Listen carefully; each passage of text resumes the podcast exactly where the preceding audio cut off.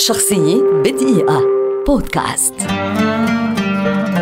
الطيب صالح أديب السودان وأحد أشهر الأدباء العرب. أطلق عليه النقاد لقب عبقري الرواية العربية ولد عام 1929 حصل من جامعة الخرطوم على درجة البكالوريوس في العلوم ثم سافر إلى إنجلترا حيث واصل دراسته في جامعة لندن وغير تخصصه إلى دراسة الشؤون الدولية السياسية.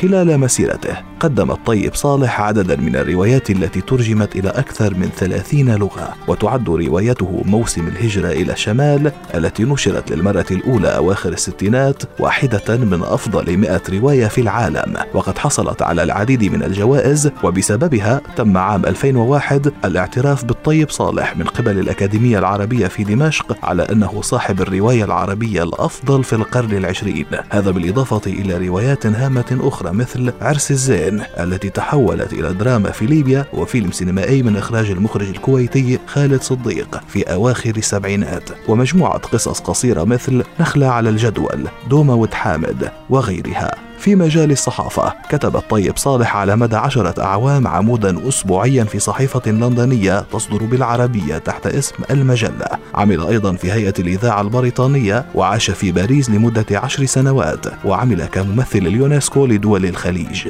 عام 2009 في لندن. رحل الطيب صالح عن عمر ناهز الثمانين عاما. وفي عام 2010 تم الإعلان عن جائزة الطيب صالح العالمية للإبداع الكتابي تقديرا للدور الكبير الذي قام به في تاريخ الثقافة العربية.